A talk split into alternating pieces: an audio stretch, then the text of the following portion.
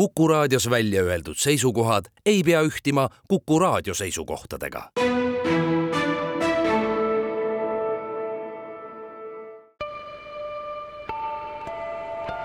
ilmaparandaja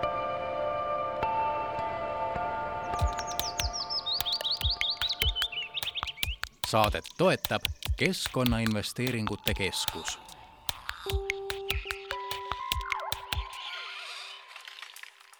tere, head Kuku raadio kuulajad, kell on mõni minut kaks läbi ja laupäeva pärastlõuna ja eetris on selle nädala ilmaparandajas saade. mina olen saatejuht Mart Valner. lugesin enne salvestust äh, just äh, uudist, et äh, kriitiline temperatuur on maakera peal esimest korda ikkagi ületatud, tegemist küll on ilma anomaaliaga, aga sellised asjad on juba juhtunud, ehk siis mida rohkem uudiseid loeme ja mida rohkem ringi vaatame, selge on see, et kliimamuutused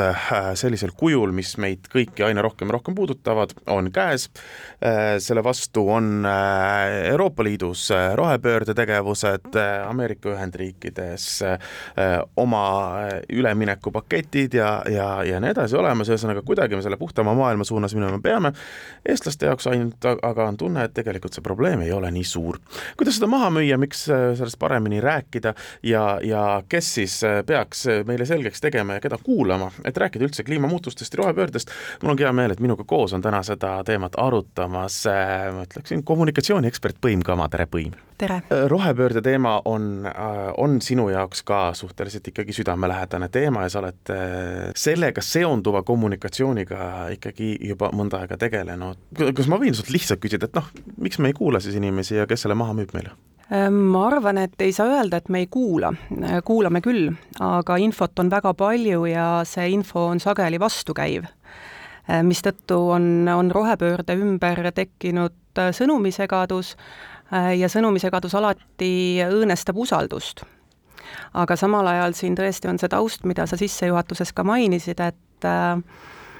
et vähemalt Euroopas ja mingil määral ka Eestis ikkagi viimased aastad on selle teadlikkuse tekitanud, et kliimamuutused on päriselt kohal ja et see olukord on kriitiline möödunud suvi oli Euroopas selline, mille puhul on juba väga keeruline kliimamuutusi eitada, et meil olid enneolematud kuumalained, üleujutused, maastikupõlengud, äh, need jõudsid nüüd igale inimesele koju kätte. Varem see võis olla midagi kauget, abstraktset või, või midagi, mis on kusagil tulevikus, äh, siis äh, sel, sel aastal me oleme ka Eestis tajunud seda, et äärmuslikke ilmaolusid esineb tegelikult järjest sagedamini meil ei ole enam ainult sügistormid, vaid, vaid ka äh, talvetormid, kevadtormid ja suvetormid. Ja kui varem pidi mõtlema ainult sellele peale, et kuidas talvel elamine soojaks saada, siis nüüd me peame mõtlema ka sellele, kuidas suvel jahutada ja, ja ühtlasi vähemalt mina isiklikult ei mäleta, et varem oleks olnud nii palju tormide põhjustatud elektrikatkestusi ähm,, liiklusolude halvenemisi, noh, palju selliseid tegureid, mis tegelikult elukeskkonda või igapäevast toimetulekut otseselt mõjutavad. Äh, ja see on see koht, kus, kus inimesed saavad aru, et midagi on teisiti, midagi on muutunud ja, ja mille kaudu tekib ka see arusaamine, et äh, see on probleem, millega me peame tegelema lisaks on meil valusad energiahinnad ja hiljutine pandeemia kogemus, et ähm, eirata või öelda, et ei ole probleemi, on suhteliselt keeruline. Kui ma ütlen, et inimene suudab keskenduda ühele kriisile korraga, kas, kas, kas sa oled nõus sellega, selles osas, et äh, kliimateemad, mulle tundus, et äh, peale Pariisi kliimakonverentsi hakkasid aina rohkem, rohkem ühiskonnas üles minema äh,, teataval määral ka avalik arvamus hakkas toetama, see on mingi probleem, millega me peaksime kiiresti tegelema. Ka Eestis, siis tuli peale koroona, siis tuli peale Ukraina sõda äh,, igasugused muud konfliktid, et me suudame nagu ühe, ühte kriisi korraga aktsepteerida, see, et see noh, kliimakriis ei ole ära kadunud ju sellepärast, et meil on koroona vahepeal kliimamuutused ei ole ära kadunud, sellepärast et Ukrainas hakkas sõda, eks ole. et äh, aga, aga me ei taha sellega kuidagi tegeleda ja, ja, ja, ja see kaob meie info välja, selles suhtes, noh, ta, ta siis, et infot on palju, aga me ei taha seda infot enam vastu võtta, sest meil on pakilisemad kriisid ees. siin on see olukord, et äh, kui on mitu kriisi korraga, siis ähm, mõned kriisid on akuutsemad ja, ja sellised, mis nõuavad nagu kohest tähelepanu äh, ja mõned saab panna veel natukeseks äh, seisma või vähemalt see tunnetus on selline, tegelikult see ei pruugi nii olla. aga küll aga see ähm, akuutsem, põletavam, ootamatum kriis haarab kogu tähelepanu välja kogu selle avaliku ruumi, kus toimub arutelu, meediaruumi ja samamoodi akuutsed kriisid hõivavad äh, ressursid. Kui meil tuleb koroonapandeemia, siis tegelikult ühiskond peab suunama kõik ressursid sellega kohe tegelemiseks, mis tähendab, et neid ressursse jätkub selle võrra vähem teiste kriisidega või olukordadega tegelemiseks. Samamoodi kui, kui Ukraina sõda puhkes, et siis, siis kogu ühiskonna tähelepanu koondus sellele ja ka ressursid, vahendid äh, suunati sellesse kriisi. äh, ja, ja selles mõttes võib-olla tõesti, et me suudame maksimaalsel võimsusel tegeleda ühe kriisiga korraga, aga samal ajal paratamatult äh, kriise on rohkem kui üks paratamatult on, sellega ma olen nõus. no aga kuidas me tegeleme selle, noh, kui me tahame täna, täna või võib-olla tõesti rääkida rohkem, eks ole, kommunikatsioonilisest osast ja sellest, äh, mis on rohepööre ja kuidas seda rohepööret inimesele äh, selgeks teha, kuidas kliimakriisi äh, inimesele selgeks teha, siis kui vaadata ka uuringuid, siis me hästi selgelt eristub sellise, ütleme, keskmise eestlase järgi, mis on täiesti absurdselt vale lause või sõnastus, mida kasutada, eks ole, aga eristub loodus ja kliima. me oleme hästi looduslähedased, me oleme valmis kaitsma äh, iga puud ja põõsast enda maja kõrval aga suuremas plaanis see kliimateema on nagu me oleme eraldi kupli all ja, ja see, et maailmas on kliimamuutused, et noh, ega see ju Eestit väga palju ei mõjuta. et loodus ja kliima on eestlase jaoks kuidagi väga, väga, väga tugevalt erinevad asjad, et kas me peaksime siis kogu selle kliimateema juurde hakkama palju rohkem keskenduma oma kommunikatsioonis elurikkuse kaole ja biosfääri kaole ja ja sellele, et noh, et, et, et tegelikult needsamad puud sinu maja kõrval, kui meil ei ole enam tolmendajaid ja kui liigid ära kaovad ja nii edasi, et et kuidagi kuidagi sellest rohkem rääkima hakkama? Äh, eriti ma näen seda, et, äh, et eestlase jaoks on lahus äh, mets ja kliima et loodus ja. ja mets on nagu täiesti üks väärtuspakett, kliima ja keskkond on täiesti tegelikult teine sfäär. ja see on selline emotsionaalne või tunnetuslik sfäär, Äh, see on, need on nagu väärtusküsimused, mis on inimeste sees. aga ma võtaks alustuseks sellise laiema pildi, ma näen tegelikult, et see rohepöörde mahamüümine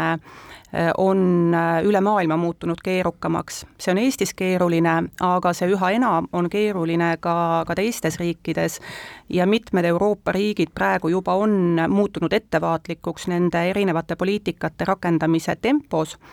Äh, seal on mitu põhjust, esiteks ühiskondlik ärevus tänu nendele erinevatele kriisidele ongi väga kõrge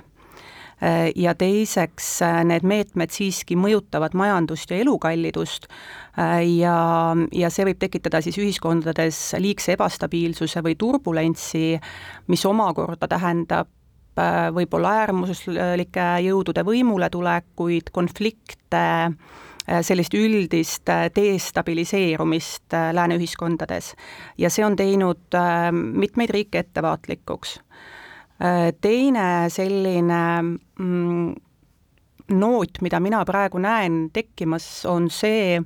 et alati suurte ühiskondlike protsesside puhul on see reegel, et, et jälgi raha. ehk äh, üleminek jätkusuutlikule majandusmudelile tegelikult äh, nii tehnoloogiate arengu kui ühiskonna suhtumise äh, kõrval sõltub ennekõike sellest, et kuidas, äh, kuidas kapital käitub sealjuures ka muidugi sellest, milline on poliitiline ja õiguslik keskkond, mis seda ruumi kujundavad, aga suures plaanis võib öelda, et rohepööret ikkagi veavad eest pangad ja finantsturud. ja, ja seal ma näen, et viimasel ajal just kuu või kahe vältel on hakanud tulema selliseid alarmeerivaid äh, märke, et mitmed äh, rohelised investeerimisfondid, mis on olnud väga populaarsed, äh, on hakanud usaldust ja raha kaotama ja tegelikult seal kõrval on see põhjus, et need investeerimisfondid ongi tegelenud mingite suurte või finantseerinud suuri arendusprojekte ja ühel või teisel põhjusel on need arendusprojektid siis nagu toppama jäänud peamiselt energeetikas. aga kui nüüd tulla Eesti konteksti, äh, siis äh, iga idee mahamüümise või sellise eduka kommunikatsiooni juures on oluline see usaldus ja arusaadavus. Esiteks, me peame aru saama, millest jutt käib, teiseks me peame uskuma, et see on meile kasulik. Ja kolmandaks, me peame usaldama seda, seda sõnumi kandjat või, või inimest, kes meile seda ideed müüb. kui, kui nende komponentide osas on kahtlusi, siis, siis ka meil tekib kahtlusi. Ja ma näen Eestis suure väljakutsena rohepöörde kommunikatsioonis just seda sõnumisegadust Äh, mulle tundub, et meil ei ole ühtset arusaama, äh, kas me rohepöörde puhul räägime siis tasaarengust ja kestlikust kahanemisest või me räägime üleminekust uuele ja jätkusuutlikule majandusmudelile, mille eesmärgiks on äh, uus majanduskasv ja jõukuse kasv tulevikus. ja siin on probleem sellepärast, et müüa saab ainult siis, kui on selge, mida täpselt müüakse samuti teise probleemi ma näen seda, et ei ole päris täpselt aru saada, millised on lahendused ja kes mida peaks tegema. selles osas liigub äh, selliseid sõnumeid, mis, mis sageli on ka eksitavad. et et äh, kui me võtame näiteks praegu töös oleva saastetasude tõstmise,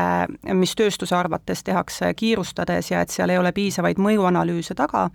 siis äh, Kliimaministeerium on väga õigesti selgitanud, et äh, saastetasusid pole alates kahe tuhande viieteistkümnendast aastast tõstetud, et seal on selline lõtk tekkinud ähm, ja nende printsiip on, et saastaja maksab aga tegelikult see ei ole päris täpne, sest et mitte saastaja ei maksa, vaid tarbija maksab, alati maksab lõpuks tarbija ja tootja peabki oma kulud tarbijale delegeerima, sest tal ei ole teisiti võimalik tegutseda. muidu tema, tema tegevus ei ole jätkusuutlik. ja, ja sellel foonil, et kas me saame olla kindlad selles, et, et tarbija saab aru nende otsuste puhul, et tema hakkab lõpuks maksma.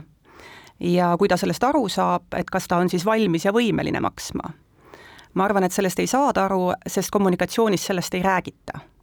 Sest et noh, tööstusepoolne kommunikatsioon on väga konkreetselt, eks ole, äh, riik paneb tasusid, ühesõnaga meil ei jää muud üle, miks, äh, kui, kui panna, teha enda toode kallimaks, eks ole, ma ei hakka siin üht, isegi ühtegi konkreetset valdkonda välja tooma, sest et mõned nendest saastetasudest ei ole mitte tõusnud alates kahe tuhande viieteistkümnendast aastast, vaid ka kahe tuhande üheksandast juba ja nii edasi, eks ole, et siin mhm. sõltuvalt, sõltuvalt valdkonnas. Ja, ja loomulikult on ju ministeeriumipoolne vaade, eks ole, et see ettevõte, kes suudab enda äh, saastamist vähendada, saaks endiselt müüa odavamalt, odavamalt toodet, müües, tehe mm, -hmm. tehes oma protsessi ümber, eks ole. aga korraks selle jutu natuke algusema või suurema vaate juurde tagasi tulles, siis äh, sa ütlesid ka, et rohepööre saab olla kas kestlik kahanemine või tuleviku majanduskasv. kas meil on võimalik, see on, see nüüd ongi üks suur diskussiooni koht, kas meil on üleüldse võimalik majanduse kasvu ja ja, ja keskkonnas nii-öelda säilimist mõlemat äh, korraga saavutada, ehk siis et äh, kas meie majandus, mis praegu ei mahu väga keskkonna ja looduse sisse ära, et kui ta veel kasvab, kas ta saab niimoodi kestlikult kasvades loodus suuremaks ei lähe, ega meie planeet noh, oluliselt ei kasva, eks ole. et äh, kas meil on võimalik seda üldse ära mahutada, majanduskasvu? See nagu... on sajandi küsimus yeah. aga ma küsiksin siia kõrvale äh, tegelikult teistsuguse küsimuse, et see on üks asi, mis mind rohepöörde äh, vaidluste ja debattide juures alati vaevab, et äh, et kas me saame majandusele või inimestele või ühiskondadele öelda, et lõpetage areng. et me kipume nende debattide juures võib-olla ära unustama selle, et ähm, inimene on samuti bioloogiline olend ja, ja inimkooslused ja ühiskonnad tegelikult äh, käituvad samamoodi nagu, nagu teiste liikide kooslused. ja mm, ükski, ükski inimene või ühiskond ega majandus ei toimi äh, selliselt, et, äh, et me ütleme endale, et äh, nüüd elame vaesemalt või elame kehvemini või äh, saame vähem järglasi või üldse tõmbame oma eksistentsi kokku. sest see bioloogiline impulss on äh, kasvamine, vohane, vohamine, arenemine, suuremaks kasvamine ja, ja tugevamaks saamine. et mulle meeldib see võrdlus, et väidetavalt ei ole inimese aju viimase kümne tuhande aasta jooksul kuigi palju muutunud, ehk need impulsid, mis meid juhivad, on tegelikult needsamad, mis on suunatud ellujäämisele, konkurentsivõimele, ressursside haaramisele ja, ja paljunemisele, mistõttu ei saa ei ükski inimene ega ühiskond selle suhtes kuigi palju parem, parata, et tahetakse paremini elada ja olla edukam ja jõukam ja rikkam ja ilusam kui eile. samal põhimõttel tegutsevad kõik liigid, et võib-olla inimene ostab endale uhke auto, et kuidagi atraktiivsem paista ja mõni kakuline näiteks okupeerib samal eesmärgil rähnipesa kusagil puuõõnes, sest see ongi tõesti äge pesa ja, ja emaslindudele meeldib, et need impulsid on, on nagu ühesugused ja majandust samamoodi võrreldakse väga sageli ökosüsteemiga, sest see toimib sarnasel põhimõttel. ehk me ei saa ka rohepöörde kommunikatsioonis öelda, et tarbige vähem ja, ja elage kehvemini, sest seda lihtsalt ei juhtu see tähendab seda, et keegi peab turundama nüüd, keegi peab turundama, et uue auto asemel see rähnipesa on palju ägedam staatuse sümbol lihtsalt Äh, enamgi veel, keegi peab turundama seda, et äh, keskkonnateadlik äh, eluviis on konkurentsieelis. ja see peab ka olema sisustatud selliselt, et inimene peab tundma, et keskkonnateadlik jätkusuutlik tegutsemine annab talle eelise seda peavad tundma siis turuosalised, ettevõtted, tootjad ja tööstus, et kui nad Ähm,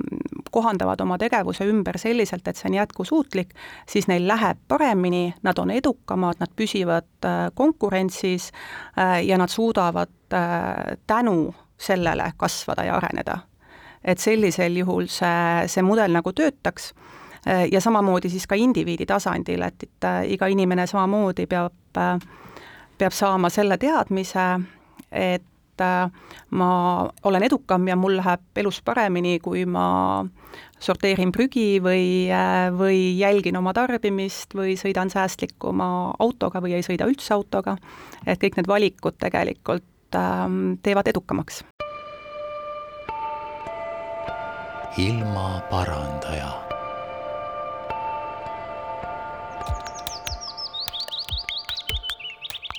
saadet toetab Keskkonnainvesteeringute Keskus.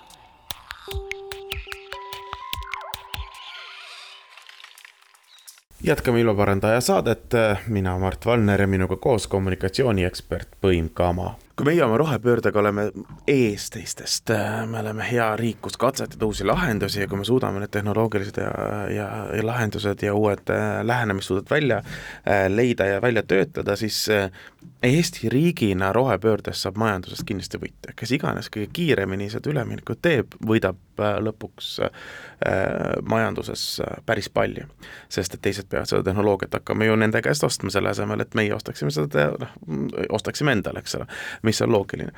aga samas ütleme nii, et äh, meie praegu maakera taluvuspiir, mis on niikuinii, äh, kui vaadata erinevaid äh, uuringuid ja andmeid, et maakera ületarbimise päev on keskmiselt kuskil augusti alguses, eks ole, et see on juba ammu ületatud, ta on ületatud olukorras, kus ütleme, kaks kolmandikku või isegi rohkem rahvastikust maakera peal ei ela, ei tarbi nii, nagu meie oleme harjunud sellega, tegelikult on rohkem kaks kolmandikku isegi protsentuaalselt. nagu sa ise enne ütlesid ka, et inimene tahab areneda ja inim-, meil on väga raske, eks ole, öelda oma naabrile, et kuule, ära osta uut autot, meil on veel raskem põhjendada ära miljardilehi Äh, India elanikule, et sa ei tohi elada nii nagu sa, samamoodi, nagu eurooplased elasid või elavad praegu, sellepärast et maakera ei kannata välja, sina pead enda tarbimist vähendama ja sa ei tohi edasi areneda, eks ole. et see on ka väga keeruline kommunikatsiooni küsimus, mida meil siit äh, kõrgelt nii-öelda, nii-öelda öelda, äh, anda on, et äh, see rohepöörde mõttega tuleb üks, ma lähen nüüd natukene täiesti teise teemasse, aga tuleb mälestus, kui ma rääkisin äh, ühe Aafrika ka ener-, kohaliku energeetika inimesega, kes ütles, et neil on väga suur probleem, neid tahetakse ka teha energiapööret, et vanad äh, prügipõletusjaamade asemel panna äh, päikesepaneelid. aga neil on linnad, kus ei ole prügipõletusjaama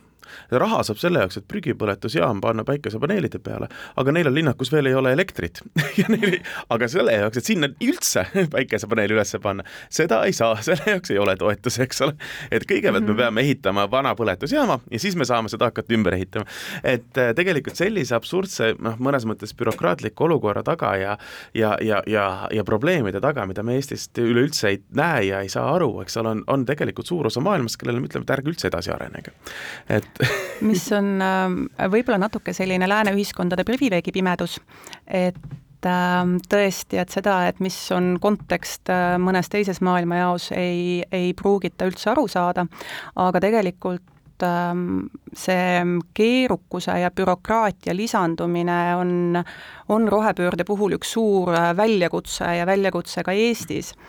et ähm, mitu nüanssi. Äh, ühest küljest, et kui me räägime sellest, et mis inimesi motiveerib,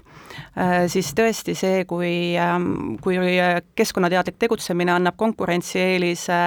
ja me näeme võimalust, et rohepöörde kaudu on võimalik jõukamaks saada, siis see on motivaator. aga kui see kõrval tähendab seda, et äh, igapäevaelu keerukus kasvab olulisel määral, siis see tekitab jälle sellist tõrget ja, ja pigem äh, Äh, vastuseisu. ühest küljest äh, jah, inimestele meeldib raha, aga rahast õige pisut rohkem meeldib inimestele nagu tunda ennast väärikana, olla millegi üle uhke äh, ja kuhugi kuuluda me oleme väga mõjutatud sellest, et kuidas kogukond meie ümber käitub, me tahame üldiselt teha samamoodi ja, ja harjumuste muutmine käib ka pigem, pigem selliste positiivse impulsside kaudu. ja sellepärast on minul näiteks väga ebamugav kuulda, kui rohe-eesmärke teenivates sõnumites kasutaks, kasutatakse häbimärgistamist stiilis, et kas sa tõesti viskasid selle jogurtitopsi nüüd olmeprügisse, kuidas sa nii rumal oled. aga me peame arvestama, et kui, kui asi on keeruline, see on keeruline, eks ole, nendes linnades, kus ei ole elektrit ja ei saa päikesepaneelide toetust, aga see on ka keeruline nendes majapidamistes, kus sa pead prügi viieks kuni seitsmeks äh, eri liigiks sorteerima ja igale prügiliigile eraldi konteineri või, või vastupunkt, võtupunkti leidma. Ja kui selle juures tuleb ennast ka veel süüdi ja halvasti tunda, siis tekib inimestel tõrge, vastumeelsus ja kogu asjale lüüakse käega ja mul on natuke see mure või tunnetus, et see aina rohkem reguleerimine, keerukuse lisamine ja, ja kogu selle keerukuse tegelikult äh, delegeerimine lõpptarbijale on selline moment, mis võib ka lääne ühiskondades rohepöördele karuteene teha. äh, näiteks praegu Euroopa Liidus äh, töös olev roheväidete regulatsioon, mis printsiibis on hästi õige, et vähendada rohepesu, et meil oleks arusaam, kas need äh, äh, toodete või teenuste kohta käivad väited peavad paika, kas need on tõendatavad, see regulatsioon siis kohustaks ettevõtjaid oma roheväiteid tõendama ja tarbijale kogu selle info kättesaadavaks tegema aga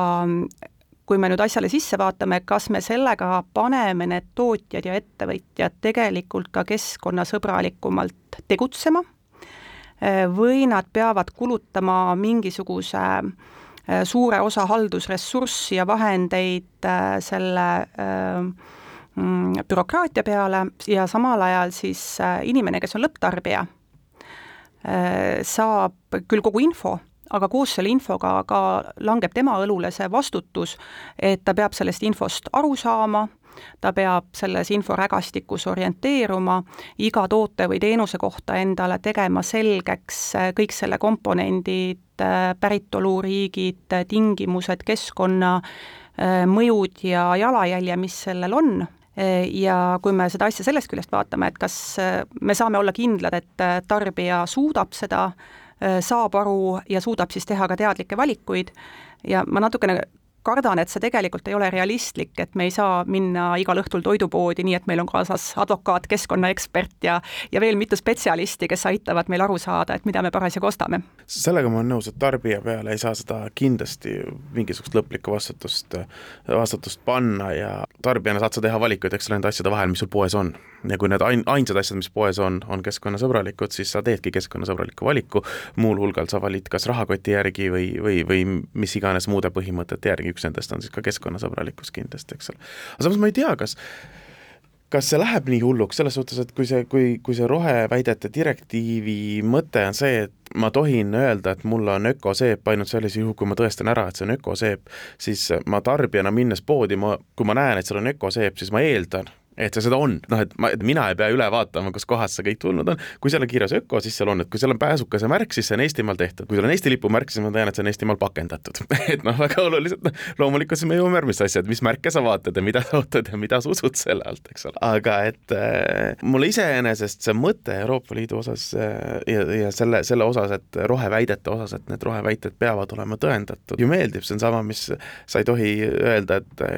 noh, praegu, et ma olen number üks pesupulber maailmas, kui sul ei ole seda sõltumatut Šveitsi uuringut, mis ütleb, et sa oled number üks pesupulber maailmas, eks ole. et, et roheväditega võiks ju samamoodi olla, ma ei ole nüüd kindel, ma kunagi Andrus Ansipi käest ka küsisin, et kas see, et meile müüakse äh, kliimaneutraalseid lendusid ja,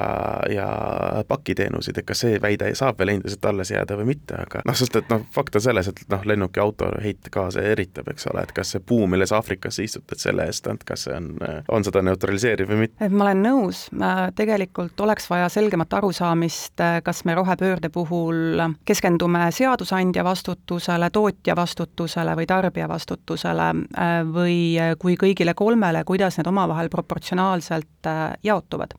Äh, sest et ähm, teine nüanss, mis sellest, äh, sellest survest tekib, et roheline on müügiargument, on see, et kõik tootjad ja ettevõtjad tegelikult on kohustatud näima rohelised mm. -hmm Äh, isegi kui nad võib-olla sisuliselt oma tegevusega ei jõua nii kiiresti, äh, siis, ähm, siis see rohelisena näimine on hästi tähtis ja see võib hakata pilti moonutama. nii selle tarbija jaoks meil võib tekkidagi ka selline äh, eksitav tunne, et probleemiga on tegeletud oluliselt rohkem, kui sellega võib-olla tegelikult on,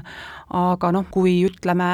mõni suurtootja kuulutab et nad on saavutanud nullemissiooni, aga see sisuliselt tähendab seda, et tegelikult on kogu oma rasketehnika ja masinapark viidud tütarettevõtte alla, siis see ei ole see, mis me tegelikult tahame, see võib printsiibis olla juriidiliselt õige, aga, aga seal ei ole seda lahendust taga, mida me tegelikult ootaksime. ja kui Eesti põlevkiviõli äh, Aafrika laevadel põletatakse ja me ütleme, et meie ei emiteeri, me võime rahulikult oma kliimaeesmärke muuta, siis või lõdvendada tänu sellele, siis, siis see on ka muidugi maailma mastaabis väga hästi töötab. kui ma liiguks siit nüüd edasi ühe järgmise huvitava teema juurde, on see, et kellegi huvides me oleme siiamaani kogu seda protsessi protsessiga kuhugi liikunud. Äh, räägime huvikaitsest, räägime lobistamisest, äh, mida keskkonnateemadel väga palju tehakse Euroopa tasemel, Ameerika tasemel, äh, noh, Euroopa tasemel ma ei mõtle mitte Eestit, aga Euroopa Liidu tasemel, just nimelt Brüsselis, Strasbourgis, eks ole, tohutult, tohutult palju. Eestis huvikaitsegruppe sellisel kujul või sellist, sellisel kujul vist huvikaitset väga ei tehta, sa oled Eestis poliitikaga paremini kursis kui mina, kui palju meil seda Eesti, Eesti lobi tehakse? ma julgen arvata, et et äh, meil lobikultuur ei ole selline, mida sa võid Ameerika filmis näha. Äh, et äh, seda on, aga see on natukene tagasihoidlikum ja võib-olla ka, ka need mõjutamistööriistad tegelikult ei ole nii, nii tugevad, et et nagu see on mõnes teises kultuuris, aga see on tõsi, et huvid on ja huve peabki kaitsma. Äh, seda ei saa kellelegi pahaks panna, et kui huvid on, et siis neid kaitstakse, on äh, nendeks siis vabaühendused või on need erinevad äh, majandusharud ja sektorid ja, ja lõpuks siis ongi see, et mõnes mõttes huvikaitseprotsess mõlemalt poolt on ka ühiskondlik debatt. mis on, seda debatti võib kallutada, on ressursid, kellel on rohkem jõudu oma huve kaitsta, aga üldiselt tegelikult mulle tundub, et äh, ka Eestis ettevõtted on aru saanud, et äh, samamoodi ei saa enam edasi, nagu varem on tegutsetud, äh, ja et need muutused tuleb omaks võtta, et neid tuleb teadlikult juhtida ja natukene võib-olla on veel seda, et kui see turg sellist ajaloolist paradigma nihet praegu läbi elab, et Äh, PR ja lobirindel võib-olla võitleb innukamalt praegu see nii-öelda vanamajandus, sest et äh, neil tõesti äh, on ka keerulisem. mitmed, ma arvan, et vanamajandusettevõtted võivad ka tunda, et need üleminekuprotsessid seavad nende tegevuse ohtu, on liigselt koormavad või siis erinevate koormistega kaasnevad Äh, sellised kulud äh, ja, ja hinnatõus, äh, mis siis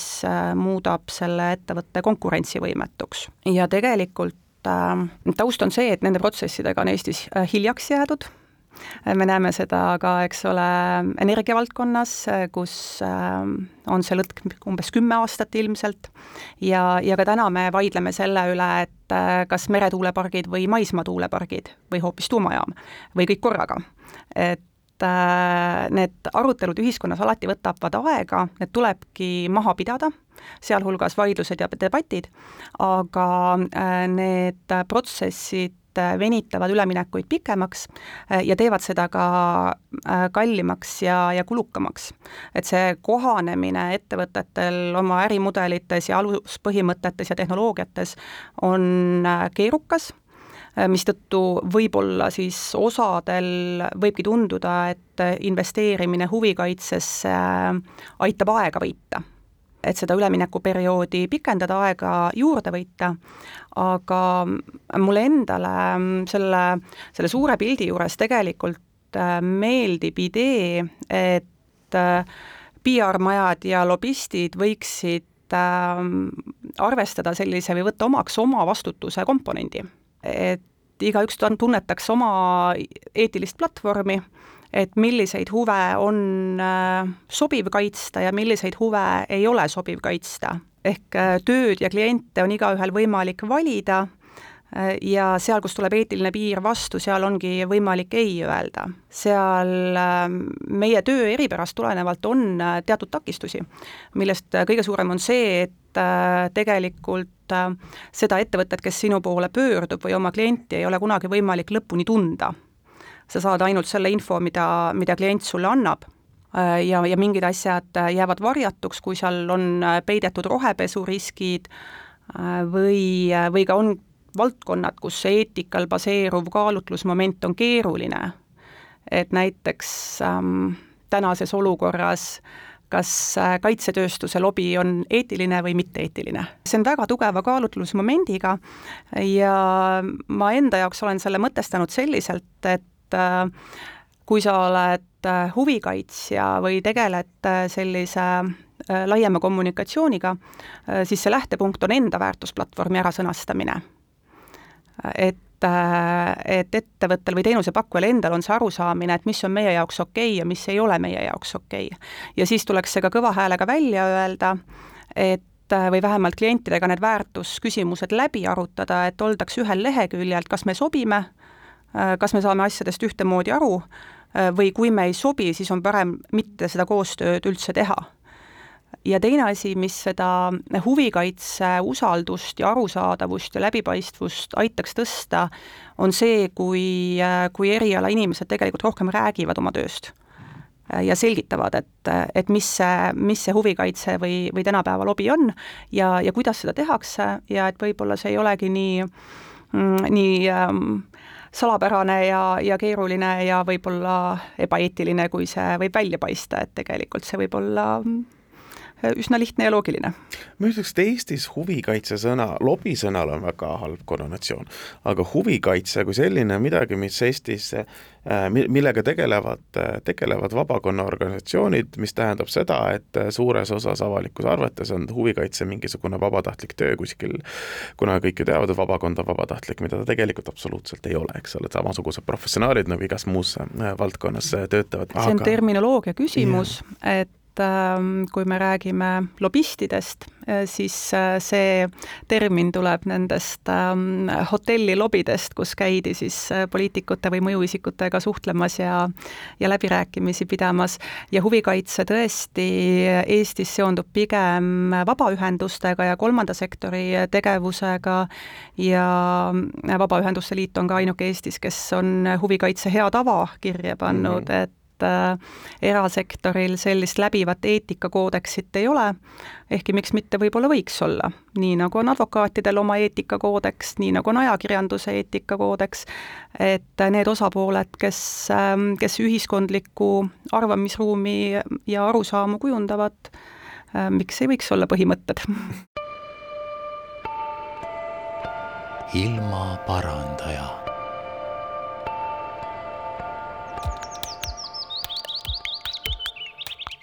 saadet toetab Keskkonnainvesteeringute Keskus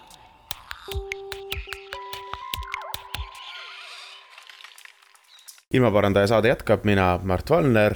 ja minuga koos kommunikatsiooniekspert Põim Kama. ma saan aru ka sellest kommunikatsiooni selles mõttes konfliktist, et kui sinu juurde tuleb klient, kes tahab, et sa näiteks promoksid tema uut ja ägedat keskkonnasõbralikku lahendust, mille jaoks ta raha saab oma äh, vana ja saastava tööstusega, siis sellegipoolest ta ju teeb uut ja ägevat, ägedat keskkonnasõbralikku lahendust ja võib-olla liigub ka sinna suunda, et mulle meeldib see osa, et ega suur osa vanast tööstusest üritab natukene venitada, nad tahavad ju üle minna suuresti ikkagi ka rohelisemaks keskkonnasõbralikku maks, sellepärast praeguseks saadakse juba aru, et ega see on ainuke viis, kuidas ellu jääda. aga et kui seda protsessi piisavalt kaua venitada, et siis nad jõuavad ise järgi lihtsalt. mulle meeldis ähm sel nädalal vist ilmus ERR-i arvamusportaalis antropoloog Keiu Telve artikkel äh, sellest, et äh, millised meeleolud, äh, hoiakud ja arusaamad on Eesti tööstuses ja milles siis äh, uuringu tulemusena tuli välja kõikidest nendest vestlustest, et äh, Eesti tööstusel on ikkagi noh, nii-öelda pilk maas, nad on vaiksed ja ei julge väga oma asjadest rääkida, sest et nad on harjunud ähm, halvakspanuga või negatiivse suhtumisega. et nende tegevust ühiskonnas ei väärtustata ja hoolimata sellest, et tegelikult võib-olla nendele tööstusjuhtidele endale nii rohepööre, innovatsioon, tehnoloogilised üleminekud on väga olulised ja nad on selle üle uhked, äh, siis, äh, siis nad ei, ähm, ei tunne, et ühiskond seda väärtustaks. ja see on üks pool sellest, et tegelikult meie, meie tunnetus äh, tööstusest on veel selline natukene nõukogudeaegne, et selline fosforiidisõja aegne, kus, äh, kus igasugune tööstus on halb ja paha ja, ja me peame selle vastu siis võitlema, äh, kui me tahame hoida oma loodust, keskkonda, metsa ja, ja kõiki neid väärtusi, mis meil siin on. ja ma arvan, et siin tegelikult võiks olla aeg paradigma nihkeks või, või ka selliseks ruum uue loo jutustamiseks, sest kuigi pilt on endiselt väga ebaühtlane, meil ongi väga palju erinevaid äh, tööstust, erinevaid ettevõtteid, nende äh, arenguetapid, äh, kus nad ähm, selleks kaasaegseks kasvamisel siis on, on erinevad, siis see trend või suund on väga ilmne. ja see mm, on koht, kus tegelikult ühiskond peaks olema toeks. Ja, ja tegema neid üleminekuid veel sujuvamaks ja lihtsamaks ja pigem siis kiitma heaks seda, et need protsessid toimuvad ja tõesti, et kui sinu näidet kasutades, et kui vana saastava tootmise raha kasutatakse uue ja keskkonnasõbraliku äh, tootmise ülesehitamiseks, siis see on ju hea areng tegelikult. et siis ühel hetkel saabki sellele uuele ja keskkonnasõbralikule üle minna ja selle vana ja saastava kokku ära pakkida või kinni panna. et et äh, nii need protsessid üldiselt äh, toimuvadki. Äh, ja pigem äh, on see just selline hea asi, millest ka kommunikatsioonis tasub rääkida see aitab ka kinnistada seda üldist äh, trendi, et ühiskond tervikuna saab aru, et see on see suund, kuhu me liigume. no me alustasime seda jutuajamist sellest, et äh, infot on liiga palju ja me ei tea, keda kuulata ja ja, ja see on suur põhjus, mille pärast Eesti on rohepöörde ja kliimateema mõtetes ka protsentuaalselt, vaadates Eurobaromeetri uuringuid näiteks ikkagi Euroopast tagapool ma tahaksin nüüd küsida, et aga keda me siis lõpuks kuulama peaksime? kui me, kui me saame selle info välja teha selgemaks ja lihtsamaks. kui me hetkel, mu, mulle tundub ise, et see on läinud paremaks, aga paar aastat tagasi, kui me rääkisime Eesti kliimadiskussioonist, siis meil oli ühel pool tööstus ja ministeerium versus siis äh, seitsmeteistaastased äh, noored ja meil olid tele-eetrid, kus meil rääkisid samal tasemel kooliõpilased tööstuse juhtidega, sellepärast nemad olid nii-öelda kliima eest seisjad teadlased ei julgenud enne, kui IPCC raport äh, lõplikult välja tuli, ka väga selgelt öelda, ma olen ise siin saates rääkinud äh, teadlastega, kes ütlevad, jah, noh, kliimaprognoosid näitavad, et inimtekkeline kliimamuutuse graafik ja praegune kliimamuutuse graafik on samasugused, aga me ei saa väita, et see on inimtekkeline, see oli nüüd aastaid tagasi, nüüd on meil IPCC raportid väljas, eks ole, nüüd me saame teadusliku faktina väita, et kliimamuutused on, äh, on inimtekkelised, teadlased on ka rohkem hakanud rääkima, aga mingi hetk me, me, meil olid ka ainult nii-öelda kõneisikuks olid noored versus siis äh, poliitikud ja tööstus, eks ole, et äh, ja, ja ma saan sellest aru äh, ka, et kui sa oled teemaväline inimene ja sul, sa vaatadki, et sul mingid kooliõpilased vaidlevad, siis on väga tore, et nad tegelevad, aga miks nad koolis ei ole? Et keda me praegu kuulama peaksime, kust me selle info siis võiksime ammutada, et Eesti ühiskonna avalikkuse suhtumine muutuks paremaks, toetavamaks, lihtsamaks? Ja et kui ongi see tööstusettevõte, kes ongi seal ülemineku teel, siis öeldaksegi, et oh, väga tubli ja tore. mitte, et ah, mis sa raiskad aega selle jamaga, ühel, et, et sul üks pool, kes ütleb, et mis sa raiskad aega selle jamaga ja teine pool, kes ütleb, et sa ei tee veel piisavalt palju rohepööre on midagi, mida me õpime käigu pealt. Äh, info muutubki ajas äh, teadmised, mida eile peeti paikapidavaks, äh, need mõni aeg hiljem võib-olla uute infoteadmiste ja, ja teaduse pinnalt osutuvad ebatõhusaks või, või saab ümber lükatud. Äh, ja selles mõttes tulebki alal olla mõistev, et see on midagi, mida ei ole kunagi varem tehtud.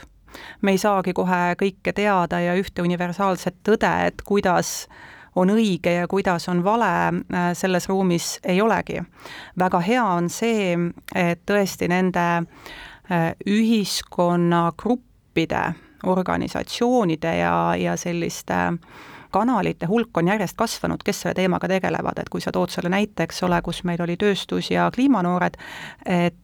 see on oluliselt laiapindsemaks muutunud, me võime öelda, ühiskond laiapindselt äh, tegeleb sellega, sellega tegeleb ajakirjandus, sellega tegeletakse haridussüsteemis, äh, kliimaküsimustega tegeletakse poliitilisel tasandil, esmakordselt on meil selleks eraldi ministeerium loodud, seadusandlus tuleb järgi, et need protsessid tegelikult kõik kõik juhtuvad. ja, ja selles mõttes ähm, ma siin isegi ei näe, et oleks abi sellest, kui ähm, on keegi mingi üks autoriteet ja me kuulame ühte autoriteeti. alati on hea öelda, et äh, kuulakem teadlasi, nemad teavad, paraku äh, teadlased lõpuni kõiges ühel nõul ei ole, äh, ka nende hulgas on erinevaid koolkondi ja vastakaid arvamusi, ja teine probleem, mis on teaduskommunikatsiooniga, on see, et teaduskommunikatsioon jääb äh, suurele osale ühiskonnast äh, kättesaamatuks või arusaamatuks. Ja mis äh, ei ole rohepöörde puhul hea, on see, äh, kui teemad püsivad sellistes spetsialistide, asjatundjate ja arvamusliidrite kõlakodades. sest et et äh, suured muutused vajavad seda, et ühiskonna kõik tasandid oleks kaasatud, saaksid äh, jõukohast arusaadavat infot, et see info oleks äh, pidev, küllaldane, täidaks nende selle tunnetusliku ruumi ära ja nad saaksid aru, et need asjad, mida me teeme, on vajalikud ja kasulikud ja seda iga üksikisikuni välja. Mille taustal on tegelikult hästi tore see, et äh, sellest õiglasest üleminekust on ka palju rohkem hakatud äh, rääkima ja sellega tegelema,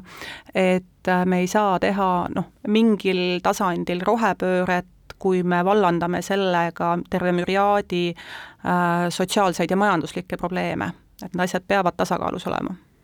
sellega ma olen nõus, rääkides siis äh, sellest kommunikatsioonist äh,, kommunikatsioonieksperdina vaadates kliimaseaduse kommunikatsiooni siiamaani, mis on, peaks olema see kõige suurem, suurema mõjuga seadus, mida me üle pika aja Eestis teeme, kuidas sa rahul oled sellega? näha on, et tegemist on ikkagi pikema protsessiga,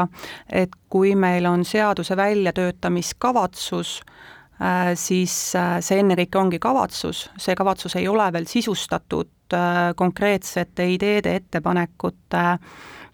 ja lahendustega, vaid seda korjet hakatakse tegema tõesti siis äh, seaduseelnõu koostamise käigus. ma arvan, et kliimanõukogu moodustamine on hea otsus, ma laiemalt näeksin hea meelega seda, et võtmepoliitikate puhul, millel on laialdane ühiskondlik ja poliitiline mõju, äh, koondatakse ekspertgruppe, kes tulevad tegelikult eri valdkondadest ähm, ja, ja kelle kompetents ei ole mitte niivõrd poliitiline, vaid tõesti see praktiline, et nad on nii-öelda iga päev põllu peal ja näevad, et mis see tegelik olukord on. et see aitab vältida seda kabinetis sündinud poliitikat, mida tegelikult praktiliselt ei ole äh, võimalik rakendada või siis selle rakendamine oleks ebamõistlik protsessina ma arvan, et see on hea, aga tõsi, kommunikatsioon võiks olla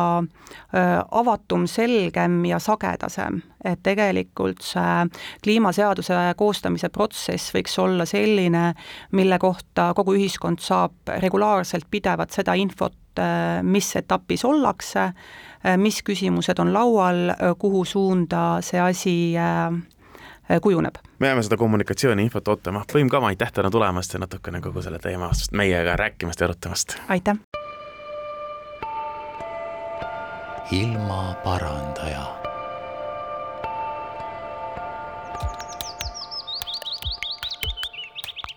saadet toetab Keskkonnainvesteeringute Keskus